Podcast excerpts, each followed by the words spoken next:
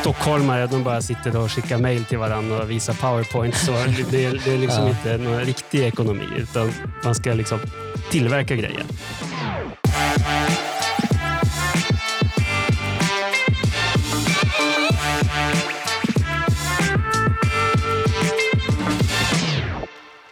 Du lyssnar på Ekonomerna med mig, John Norell och inflyttade stockholmaren Jakob Lundberg.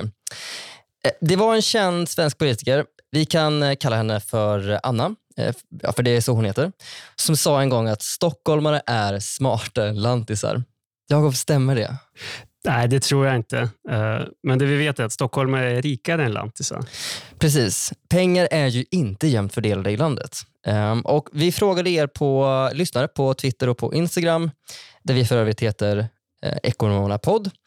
Vad borde vi podda om? Och Då var det många som tyckte att vi skulle prata om det här om omfördelning i landet och eh, ojämlikhet mellan kommunerna. Så det ska vi snacka om idag. Regional ojämlikhet. Så att, eh, Jakob, hur ser det ut egentligen? Är det stora skillnader mellan olika delar av Sverige? Alltså internationellt är det inte jättestora skillnader mellan olika landsändar.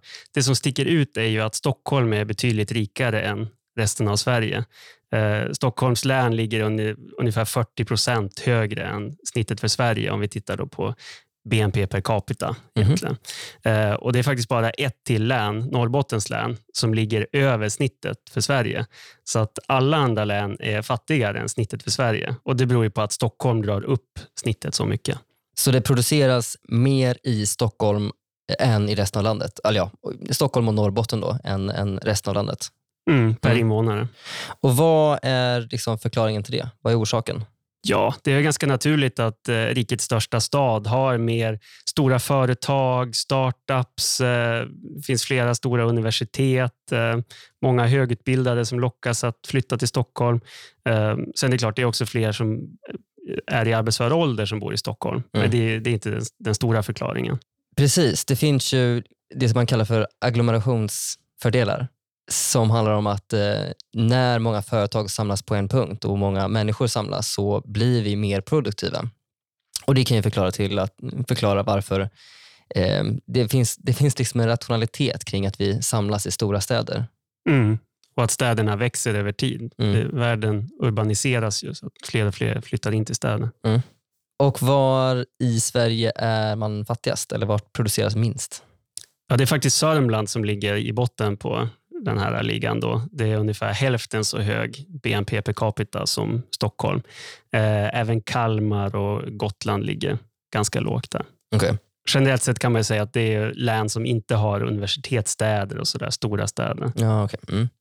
Men det är stora skillnader mellan olika delar av landet. Men sen så har vi ju det kommunala utjämningssystemet som omfördelar mellan olika regioner och sådär. Mm.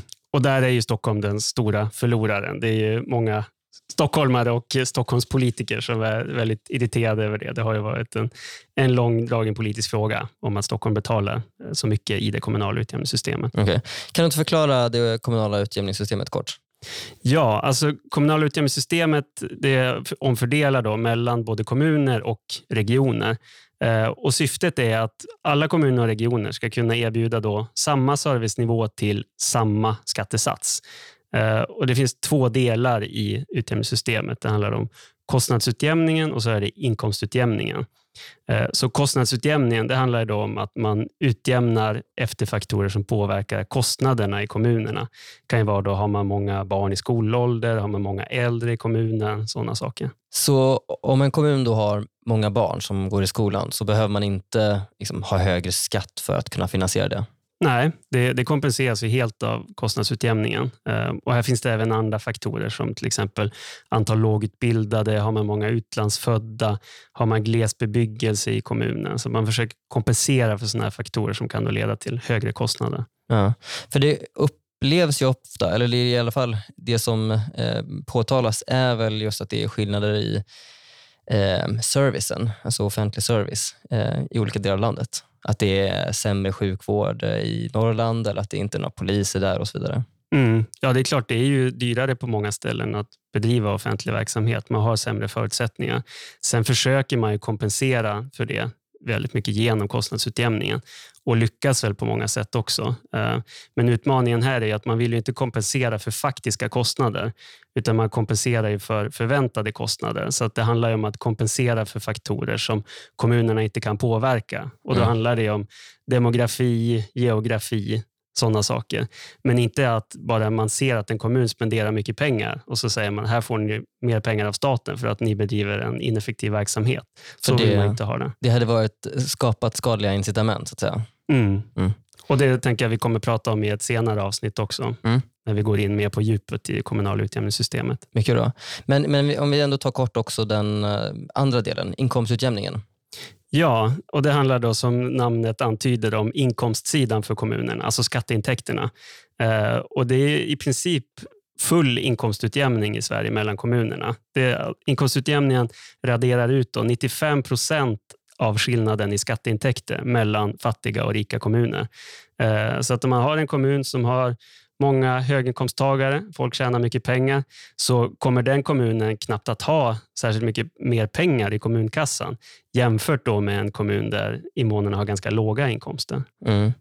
Så det, med andra ord, det lönar sig inte så mycket att eh, få folk i arbete till exempel? Nej, Nej, precis. Det är ett problem där. Och Vilka är det som vinner och vilka är det som förlorar på det här utjämningssystemet?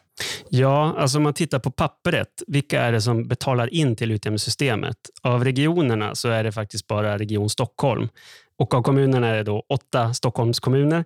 kan man gissa ungefär vilka åtta kommuner det handlar om. Eh, plus då Vellinge som är en, förort till Malmö. Eh, det är de som betalar in. Eh, och alla andra kommuner och regioner är då vinnare. Mm. Uh, och Då kan man undra, hur, hur, går det ihop? Hur går det ihop? Precis, när det ser ut som att nästan alla är vinnare. Och Det här är ju väldigt smart sätt som rikspolitikerna har satt upp det där. Att de flesta kommunpolitiker är ju ganska nöjda med kommunala utjämningssystemet i och med att de på pappret då får åtminstone en liten slant. Mm. Och Det är framförallt Stockholmspolitikerna som protesterar mot det här. Uh, men att det är så många som ser ut att vara vinnare, det beror på att man har lagt in statsbidragen till kommunerna i det här systemet. Så att mm. det kommunala utjämningssystemet går med underskott på över 100 miljarder per år. Och Det är pengar som staten öser in istället.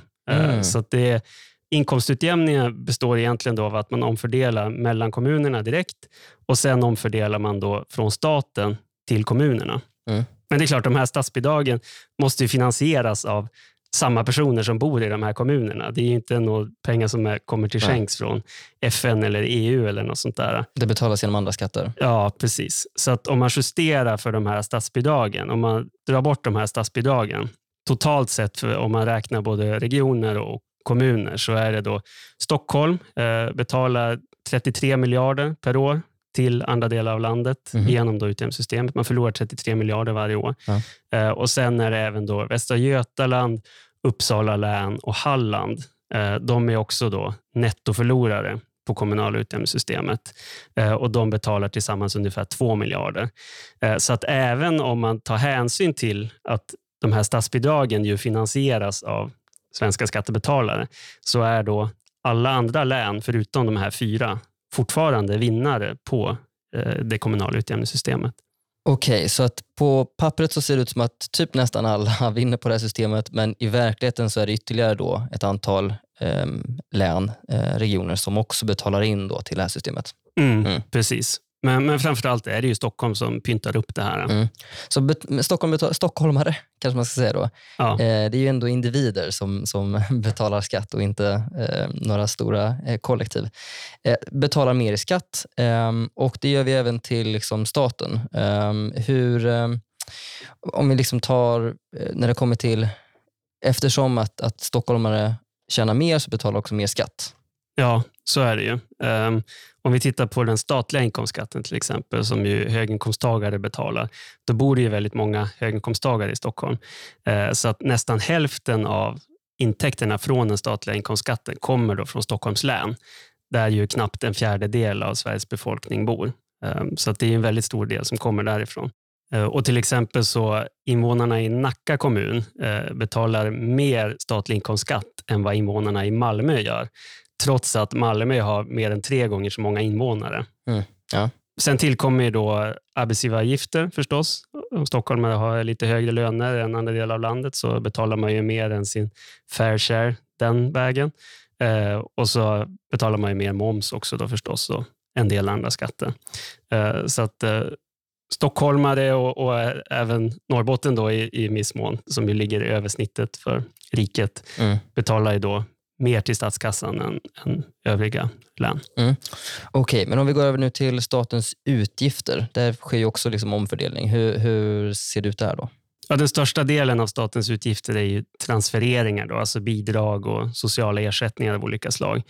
Uh, och där är ju, en stor del är ju sjukpenning till exempel. Och Då ser man att du har i Stockholm lägre sjukskrivningar än snittet för Sverige. Uh, Även om man får ju då högre sjukpenning ju högre inkomst man har haft tidigare. Men förmodligen är utgifterna för sjukpenning lägre i Stockholm än i resten av landet. Mm. Och Samma gäller för a-kassa då, i och med att arbetslösheten är lägre i Stockholm än den är i snittet för Sverige. Eh, så att även på det sättet sker det då förmodligen en omfördelning från Stockholm till andra delar av landet. Men, men det är väl många myndigheter också som ligger just i Stockholm? Ja, det är ju det. Det är inte en jättestor del av, av statens utgifter. Eh, och dessutom, det är inte pengar som man får utan motprestation, utan det är ju, de som jobbar på de här myndigheterna får ju det i ersättning för sin arbetsinsats. Och om de inte hade jobbat på regeringskansliet eller Skatteverket, då hade de förmodligen inte haft så stora problem att få ett ganska välbetalt jobb inom privatsektorn. Mm. Och dessutom är det ju många myndigheter som har flyttats ut från Stockholm genom åren. Man bedrev ju medvetet en politik för utlokalisering. Eh, och Det var inte för att man tyckte att de här myndigheterna skulle funka mer effektivt om de flyttade ut i landet, utan det var ju av rent Politiska regionalpolitiska mm. skäl. Det är intressant det här med varför människor uppfattar det här som en så orättvisa, att eh, myndigheter ligger just i Stockholm. Det, men det är väl lite den här eh, make work bias som det ibland pratas om, att eh, att man vill att politiker ska skapa jobb och istället för att skapa välstånd, liksom, eller skapa eh, förutsättningar för välstånd. Mm. Ja, då glömmer man bort att över tid så skapas det ju sällan en massa nya jobb, utan det det handlar om är att en del jobb försvinner och så tillkommer det andra. Eh, och att det man borde fokusera på är snarare att vi ska bli mer produktiva och få mm. högre löner. Eh, och Det här känns som ett bra ämne till ett framtida avsnitt kanske? Mm, absolut. Så om vi ska lite grann sammanfatta det här med liksom hur omfördelningen mellan olika delar av Sverige sker. Så det, är, det är både mellan kommuner genom det kommunala utjämningssystemet eh, och där sker ju liksom flödena från Stockholm till resten av landet och sen finns det också en omfördelning mellan individer i olika regioner. Eh, både genom att man betalar olika mycket till staten och att man får ut olika mycket och där är också då eh, flöden från Stockholm till resten av landet. Kan man sätta någon siffra på det här? Då? Finns det någon som har räknat på det här? Ja, alltså den beräkning som jag kände till är gjord av konsultbolaget VSP. Eh, de gjorde en ganska intressant beräkning där de utgår från att ja, skattetrycket i Sverige det är ungefär 43 procent av BNP och det varierar inte jättemycket i olika delar av landet utan det är, man betalar ungefär samma procent i, i skatt. Uh, och Sen så räknar de då på om man säger att eh, Stockholm skulle förklara sig självständigt eh, och okay. Eh, bara betala sina egna då, kostnader för sjukpenning, och vård, och, och um, polis och a-kassa och sånt där. Ja. Och Då beräknar de att Stockholm då skulle kunna sänka sitt skattetryck från 43 procent av BNP idag ungefär till 30 procent. Det är ganska mycket. Det är en rejäl sänkning. Då skulle Stockholm, Stock, ja. republiken Stockholm, då, eller kungariket Stockholm, skulle, mm. skulle ju vara ett, ett lågskatteland då, jämfört med andra europeiska länder. Hur mycket hade resten av eh, Sverige behövt höja skatten med då? Alltså det de räknade på var Norrland i och med att det, det finns ju ändå vissa som ja, lite halvt skämtsamt säger att ja, men Norrland, vi, vi klarar oss själva och man, man kanske borde utropa någon sorts eh, republik i Norrland. Eh, och Då räknar de med att skattetrycket i Norrland skulle behöva stiga då från ungefär 43 procent till 55 procent. Eh, så det är också en ganska rejäl skattehöjning som skulle mm. behövas då för att Norrland då skulle gå ett ut eh, rent eh, finanspolitiskt. Mm. Det här är ju rätt så känsligt att påpeka, eh, alltså politiskt, eh, att det sker den här typen av omfördelning. Ja, det är ju det, vilket jag tycker är lite konstigt. Det borde ju vara något helt odramatiskt. Alltså så här är det ju alla välfärdsstater. Man omfördelar från eh, rika personer till fattiga personer.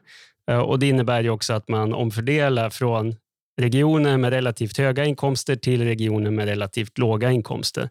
Så det omfördelas ju från Massachusetts till Mississippi. Man omfördelar från London till Yorkshire, från Flandern till Vallonien och då från Stockholm till eh, framförallt då glesbygdskommuner eh, runt om i Sverige. Ja. Men en grej som ändå brukar påpekas ganska mycket är det här med naturresurser. Att eh, Eh, Norrland så finns ju de stora delarna av eh, liksom malmen, skogen, vattenkraften. De finns ju i Norrland. Mm. Och det, det, verkar finnas någon idé hos en del om att ja, men det är bara så malm och gruvor och industri, det är riktig ekonomi. Mm. Eh, det är liksom bara varuproduktion.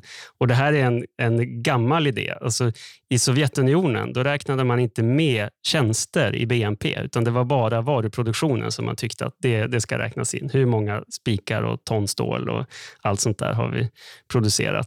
Mm. Och Det här verkar ju vara eh, någon sorts tankefigur som finns kvar hos en del. Om att med stockholmare de bara sitter och skickar mejl till varandra och visa powerpoint. så det, det är liksom ja. inte någon riktig ekonomi, utan man ska liksom tillverka grejer. Ja.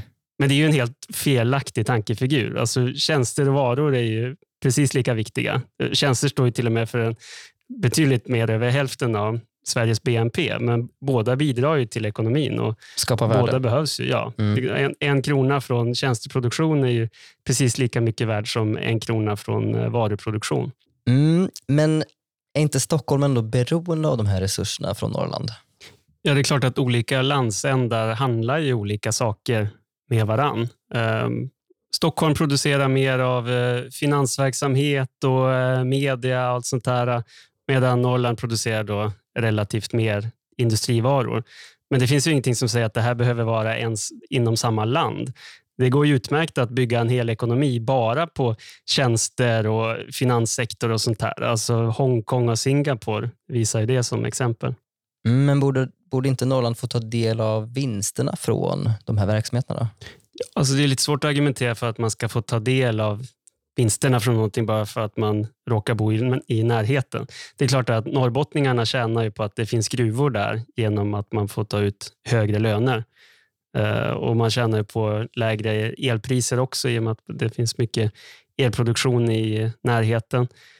Och jag är uppväxt i Skellefteå och jag fick höra under hela min uppväxt att eh, Skellefteå är Sveriges rikaste kommun. Eh, och Jag kollade upp det. Nu har Skellefteå ramlat ner till tredje plats då, och då räknar man då hur mycket kapital har kommunen per invånare. Och Det är tack vare att eh, Skellefteå kommun investerade i vattenkraft för drygt 100 år sedan. Och nu är ju Skellefteå Kraft ett väldigt stort och, och, lönsamt kraftbolag som delar ut väldigt mycket pengar till kommunkassan. Så på så sätt så tjänar ju också Skellefteåborna på att man har de här naturresurserna i, i närheten. Mm, men det finns ju ändå statliga bolag som tjänar mycket pengar på de här verksamheterna, som Vattenfall och LKAB. Och då går ju pengarna till statskassan. Ja, precis. Men det var ju faktiskt staten som gick in med de här pengarna från början och investerade i de vattenkraftverk som Vattenfall äger och det var staten som köpte aktien i LKAB. Så att det här är ju företag som alla svenska medborgare äger tillsammans. Och Då kan man inte hävda att det bara är invånare i en viss del av landet som ska få ta del av de här vinsterna. Mm. Ett förslag som ofta förekommer är att regionerna borde få ta del av intäkterna från fastighetsskatten på vattenkraft. Ja, det, det hör man ju då och då. Eh, och Då kan man fråga sig vad är det som är så speciellt med just vattenkraften och den fastighetsskatten. Om man skulle regionalisera fastighetsskatten, då borde man göra det med alla fastigheter i så fall. Eh, då skulle det handla om kontorshus och fabriker och allt sånt där. Eh, och det är klart, de allra mest värdefulla fastigheterna ligger i Stockholm. I Stockholm. Ja. Så jag tror inte Stockholmspolitikerna skulle ha något emot att man sa okej, okay, intäkterna från den statliga fastighetsskatten, ja. det får gå till eh, kommunerna och regionerna. Okej, okay, men så det finns liksom ingen riktig liksom, poäng med den här logiken om att eh, närhetsprincipen, att eh, bara för att man bor nära en liksom, stora företag eller någon resurs, att man borde ha mer claim på, på vinsterna? Nej, i så fall hade ju stockholmare kunnat säga men vi vill ha vinsterna som Spotify gör eller vi vill ta del av vinsterna som bankerna gör. Ja. Bara för att man råkar bo i närheten. Mm, men men eh, i de här områdena där det har liksom exploaterats då, naturresurser, inte, inte, det handlar inte om att kompensera för att man har liksom, citat, sugit ut liksom, de här resurserna? Ja, alltså återigen, om man, om man frågar stockholmare så skulle de nog säga att Stockholm är ännu mer exploaterat. Det här är det ju väldigt mycket mer som är bebyggt. Eh, och Det är ju inte särskilt populärt att bygga saker i Stockholm. Det tror jag alla som har följt med i debatten kan hålla med om. Så det är ju heller inte riktigt ett argument för att det är just vattenkraftverk och sådana saker som ska ge pengar till de som bor i närheten. Mm. Eh, men Norge brukar ju ändå nämnas som ett föredöme när det kommer till liksom, omfördelning av liksom, i landsbygdspolitiken. Ja, där har de lite den här idén om att eh, intäkterna från naturresurserna ska tillfalla de lokala kommunerna. Och De har även sänkta arbetsgivaravgifter i många glesbygdskommuner. Och eh, Varför är det så? Vad är förklaringen? Alltså om man tittar på Norges valsystem så är det inte särskilt svårt att förstå varför glesbygden har så mycket fördelar. För de har ett mycket märkligt system där det är inte bara invånarantalet i en valkrets som avgör då hur många ledamöter man får skicka till Stortinget, mm. utan det är också hur stor den här valkretsen är, alltså landarean. Eh, så att en invånare det ger en poäng i det här systemet och en kvadratkilometer ger 1,8 poäng. Så man, man plussar ihop då den här poängen för antal invånare och poängen för arean. Uh, och Det gör då att en väljare... I... Alltså det, det, är inte arean som jag själv äger, utan det är liksom i valkretsen. Liksom. Ja, precis. Det, det hade ju varit ännu konstigare kanske. Ja. Ja. Hur stort är det här ja, ungefär fylket och länet som, mm. som du bor i?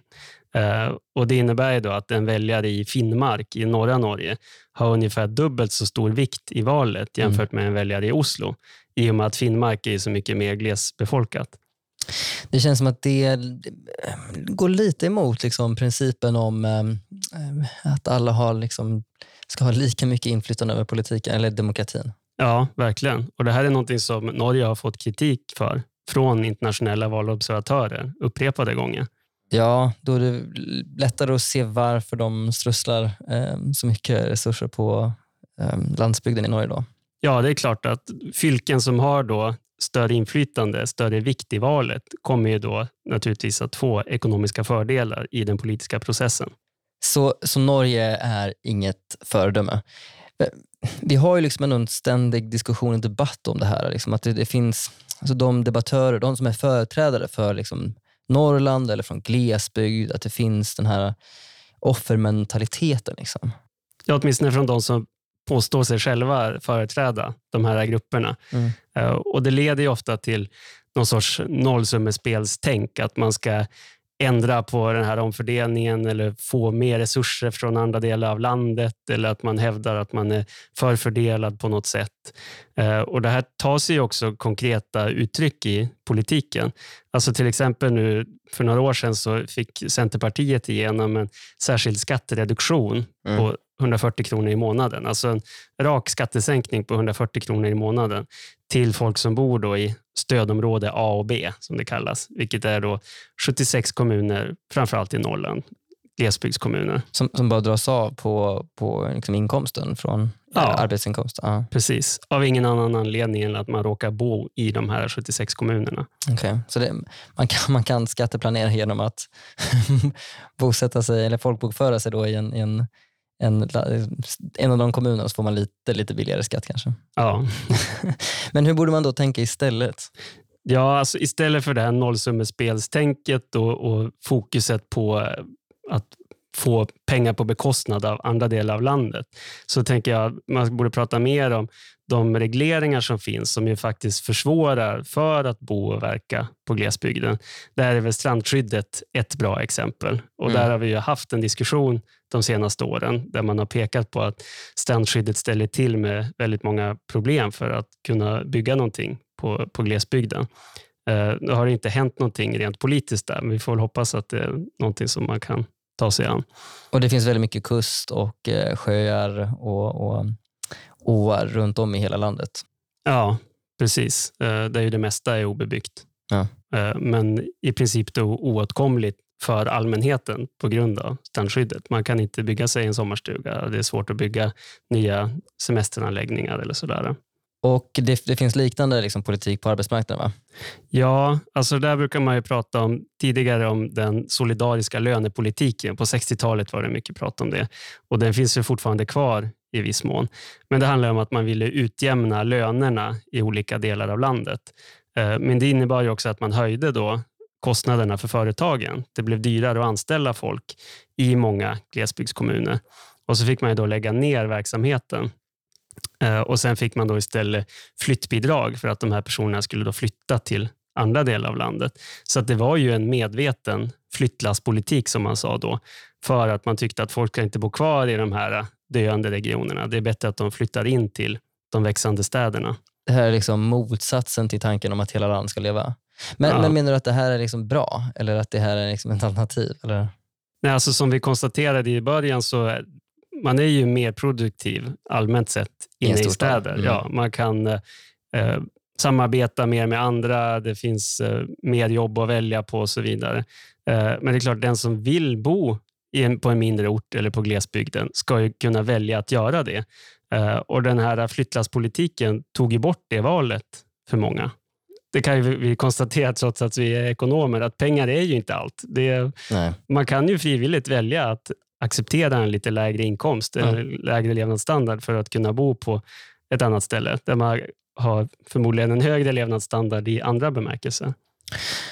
Absolut. Det är klart att det finns ju alltid trade-off. Det finns liksom inga riktiga gratisluncher. Om man, om man vill bo i Stockholm, det innebär ju såklart eh, eh, mer utbud vad gäller kultur, restauranger, eh, man har nära till saker och ting. Men det är klart, då får man inte närheten till naturen, eh, det är dyrare med boende, man bor mindre och så vidare. Så det är klart att man, man, människor har olika preferenser och gör olika val. Mm. Men man ska ändå inte kanske eh, pusha människor artificiellt till eh, att fatta beslut om var de ska bo. Ah, åt vilket håll, antingen mot landsbygd eller till städerna. Nej, exakt. Det måste ju vara upp till individen. Mm. Om man vill veta mer om det kommunala utjämningssystemet så håll utkik så kommer vi ha ett framtida avsnitt om det. Men du kan också läsa Jakobs bok ehm, allt du behöver veta om skatter. Det finns fortfarande en rabattkod för dig som lyssnar på Ekonomerna. Och vad är den Jakob? Ekonomerna. Ja, enkelt att uh, ha koll på. Och Då går du in på timbro.se allt om skatter. Du har lyssnat på Ekonomerna med mig, John Norell och Jakob Lundberg. Ekonomerna är en podd från tankesmedjan Timbro och vi kommer ut varje torsdag. Prenumerera på oss i din podcastapp och tipsa också om oss för dina vänner och bekanta. Tack för att du har lyssnat.